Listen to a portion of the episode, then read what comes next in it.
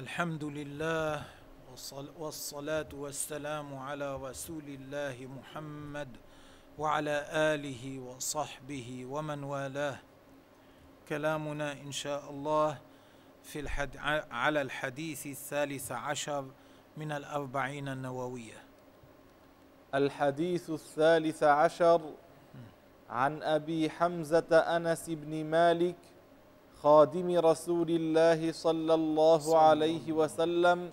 أنس بن مالك أنصاري خزرجي نجاري يعني من بني النجار من قبيلة الخزرج من الأنصار.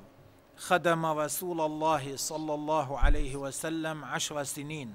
لما قدم النبي عليه الصلاة والسلام المدينة كان سنه عشرا فجاءت به أم أمه إلى رسول الله صلى الله عليه وسلم فقالت يا رسول الله خادمك أنس. فخدمه عليه الصلاة والسلام عشر سنين ومات النبي عليه الصلاة والسلام وهو عنه راض.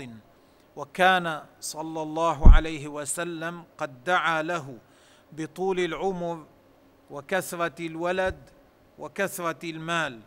فعاش أنس أكثر من مئة سنة ودفن أكثر من مئة من أولاده وأحفاده. وكان نخله يثمر في السنة مرتين وأكثر نخل الم... و... وكان نخله يثمر في السنة مرتين. قصد البصرة في آخر حياته ومات على فرسخين منها سنة تسعين آه. عن النبي صلى الله عليه وسلم أنه قال آه. لا يؤمن أحدكم حتى آه. لا يؤمن أحدكم ليس معناه هنا إنه يكون كافرا لا لا يؤمن أحدكم معناه لا يكمل إيمانه العرب كثيرا ما يستعملون مثل هذا. لا يكون كذا بمعنى لا يبلغ كمال الإيمان. ينفون الأمر ويريدون نفي كماله. لا يؤمن أحدكم أي لا يؤمن ايمانا كاملا لا يبلغ أعلى الإيمان وكمال الإيمان حتى يحب لأخيه إلى آخره. وهذا كما قلنا شائع في لسان العرب.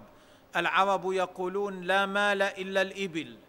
معناه لا مال كامل تام إلا الإبل. وهكذا معنى الحديث المسلم من سلم المسلمون من يده ولسانه. معناه المسلم الكامل ليس معناه إن لم يسلم المسلمون من يده ولسانه يكون كافرا. كذلك ما جاء في الحديث ليس الفقير الذي ترده اللقمة واللقمتان ولكن الفقير الذي لا يتفطن له ولا يسأل الناس. هذا أيضا معناه الذي بلغ الغاية في الفقر هو الفقير الذي يسكت ولا يسأل الناس ولا يعرف أنه فقير. أما الفقير الذي يسأل الناس فيعطونه شيئا ولو كان قليلا فإن هذا لم يبلغ الدرجة الشديدة التي بلغها الآخر. فإذا العرب معروف عندهم نفي الشيء يريدون نفي كماله. فهنا قوله عليه الصلاة والسلام لا يؤمن أحدكم أي لا يبلغ كمال الإيمان. نعم أعد لو سمحت. لا يؤمن أحدكم حتى يحب لأخيه لأخيه أي لأخيه المسلم كما ذكر في بعض الروايات. حتى يحب لأخيه ما يحب لنفسه. أي مثل الذي يحبه لنفسه من الطاعات والخيرات والنعم التي عاقبتها محمودة. وهذا الأمر ليس بالأمر الصعب. بعض الناس يظنون أن هذا صعب أن هذا شيء صعب وليس كذلك. المعنى أنه إذا كان يحب لنفسه أن يكون على حال حسنة من الدين يحب أيضا لأخيه أن يكون على هذه الحال من غير أن تتغير حاله. إذا كان أعطاه الله تعالى نعمة من النعم يحب لأخيه أن تكون هذه النعمة عنده من غير أن تزول النعمة عنه. يحب لأخيه ما يحب لنفسه ليس معناه إنه يحب أن تزول عنه وتنتقل إلى أخيه ليس هذا. وهذا أمر ليس صعبا. على القلب السليم ليس صعبا. إنما هو صعب على القلب الدغل المنطوي على الدغل المنطوي على الحسد. إيه، مثل هذا القلب يصعب عليه يصعب عليه هذا. الله يحمينا وإخواننا أجمعين من مثل ذلك. نعم. ثم فاذا الأصل أن أن يحب المؤمن لأخيه مثل ما يحب لنفسه. طيب إذا كان الإنسان متواضعا ينظر إلى نفسه بعين بعين الاتهام ولا يعجبه الحال الذي هو عليه أي من حيث الطاعة ومن حيث الإقبال على الخيرات. بل يرى في نفسه أنه مقصر. في هذه الحال يحب لنفسه أن يكون على حال أحسن من الحال التي هو عليها. إذا كان كذلك ينبغي أن يحب لأخيه أيضا مثل ذلك.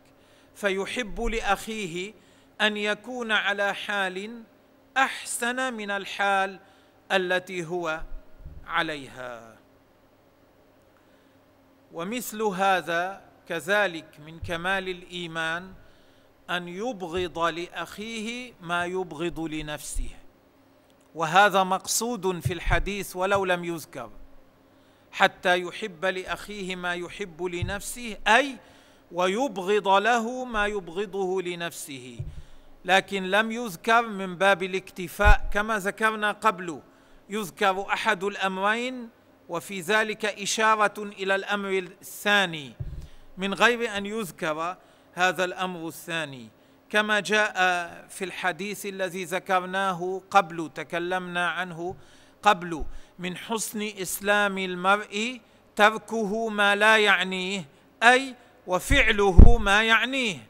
ولم يذكر في الحديث وفعله ما يعنيه لأنه يفهم من تركه ما لا يعنيه وكذلك في هذا الحديث حتى يحب لأخيه ما يحب لنفسه أي ويكره لأخيه ما يكره لنفسه من الشر. كما جاء في بعض الأحاديث أن تحب للناس ما تحب لنفسك وتكره لهم ما تكره لنفسك.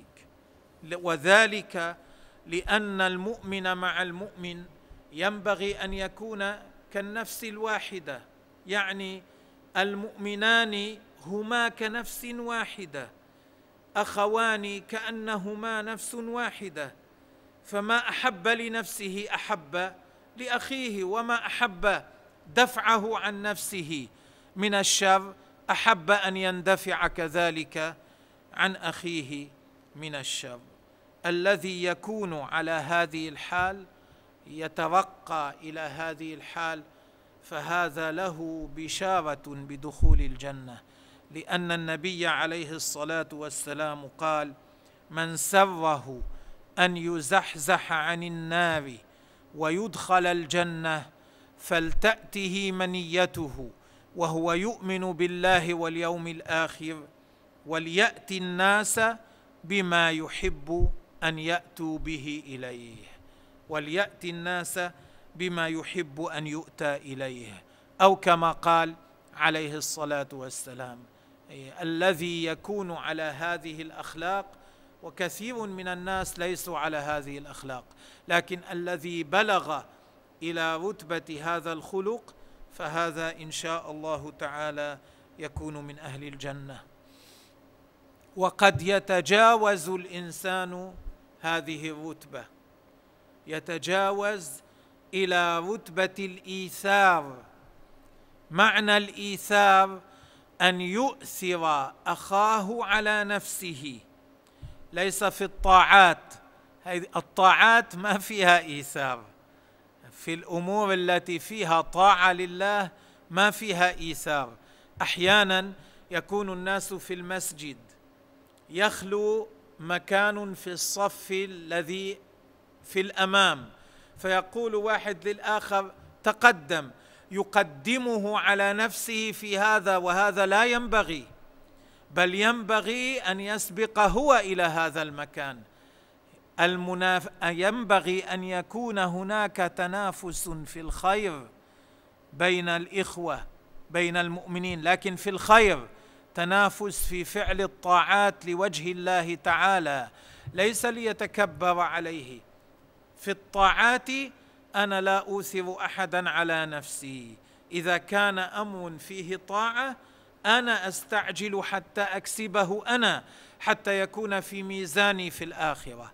لكن في غير ذلك من الأمور بعض الناس لم يصلوا إلى درجه أنه يحب لأخيه ما يحب لنفسه فقط بل زاد على ذلك ففضل أخاه على نفسه. وذلك في غير الطاعات كما ذكرنا. مثاله حديث البخاري في أبي طلحة وزوجه وامرأته. جاءهما ضيف وليس عندهما طعام إلا طعام أولادهما. ما عندهم أكل إلا الأكل الذي يكفي الأطفال. قال أبو طلحة لامرأته نومي أولادك. افعلي شيئا تنومين به الأولاد. نومتهم. بعد ذلك قال لها الآن نحط الطعام ونظهر كأننا نريد أن نأكل. ثم أنت تقومين تظهرين أنك تصلحين المصباح فتطفئينه. فيصير هناك عتمة لا يرى ضيفنا ماذا نفعل بوضوح. فنظهر أنا وأنت أننا نأكل نمد أيدينا إلى الطعام لكن في الحقيقة لا نأكل. حتى يأكل ضيفنا من الطعام ويشبع لأن الطعام لا يكفينا نحن الثلاثة. ففعلت امرأته كما قال لها قعدوا للأكل ثم قامت كأنها تصلح المصباح فأطفأته. بعد ذلك قعدوا يظهرون هو وابو طلحة وزوجه يظهرون يظهران أنهما يأكلان والضيف يأكل أكل حتى شبع وناما جائعين هما وأولادهما. هذا من مرتبة الإيثار هذا أعلى من المرتبة التي ذكرناها أولا. ثم في الصباح لما ذهب في اليوم الثاني لما لقي أبو طلحة رسول الله عليه الصلاة والسلام قال له النبي عليه الصلاة والسلام لقد عظم هذا الفعل عند الله تعالى. فعلكما الليلة التي مضت مع ضيفكما عظم عند الله تعالى معناه قبله الله وجعل لكما عليه ثوابا عظيما. ومن ومن عجائب ما يذكر في الإيثار أيضا ما حصل في يوم اليرموك في معركة اليرموك. بعض آه، بعض أهل الإسلام قال انطلقت يوم اليرموك أبحث عن ابن عمي ومعي قربه قديمة فيها ماء. قلت إذا كان معي إناء وقربه أقلت إذا كان به رمق ما زال حيا أسقيه يكون عطشا فأسقيه وأمسح له وجهه بهذا الماء. قال فإذا أنا به يشهق. حتى يكاد أن حتى حتى إنه يكاد أن يغشى عليه. إلى هذا الحد شهيقه. يعني معناه يكاد يموت. فقلت له أسقيك؟ أشار برأسه النعم اسقني. فإذا رجل بقربنا يقول آه فأشار إلي أن اسقه. فذهبت إلى هذا الرجل قدمه على نفسه في هذه الحال. الشديدة. قال فأشار إلي فانطلقت إليه. فإذا هو هشام بن العاص. فقلت له أسقيك؟ فأشار برأسه النعم لما أردت أن أسقيه قال رجل بقربه آه. فأشار إلي أن اسقه. ذهبت إلى هذا الثالث وجدته قد مات. رجعت إلى هشام وجدته قد مات. رجعت إلى ابن عمي وجدته قد مات. وإنما فعل كل منهم هذا. في ذلك الوقت الشديد إيثارا لغيره. بها اللحظة وهو يموت يفكر في نيل الثواب من الله تبارك وتعالى. بإيثار أخيه المسلم على نفسه بأن يشرب قبل أن يشرب هو. نعم. رواه البخاري ومسلم. هذا الحديث أخرجه الشيخان وأخرجه الإمام أحمد وغير وأصحاب السنن وغيرهم. نسأل الله أن يجعلنا من الذين يتحلون بهذا الخلق أن يحب الواحد منا لأخيه ما يحبه لنفسه وأن يؤثر أخاه على نفسه في غير القربات والطاعات. والله تبارك وتعالى المسؤول أن يستجيب. والله تبارك وتعالى أعلم.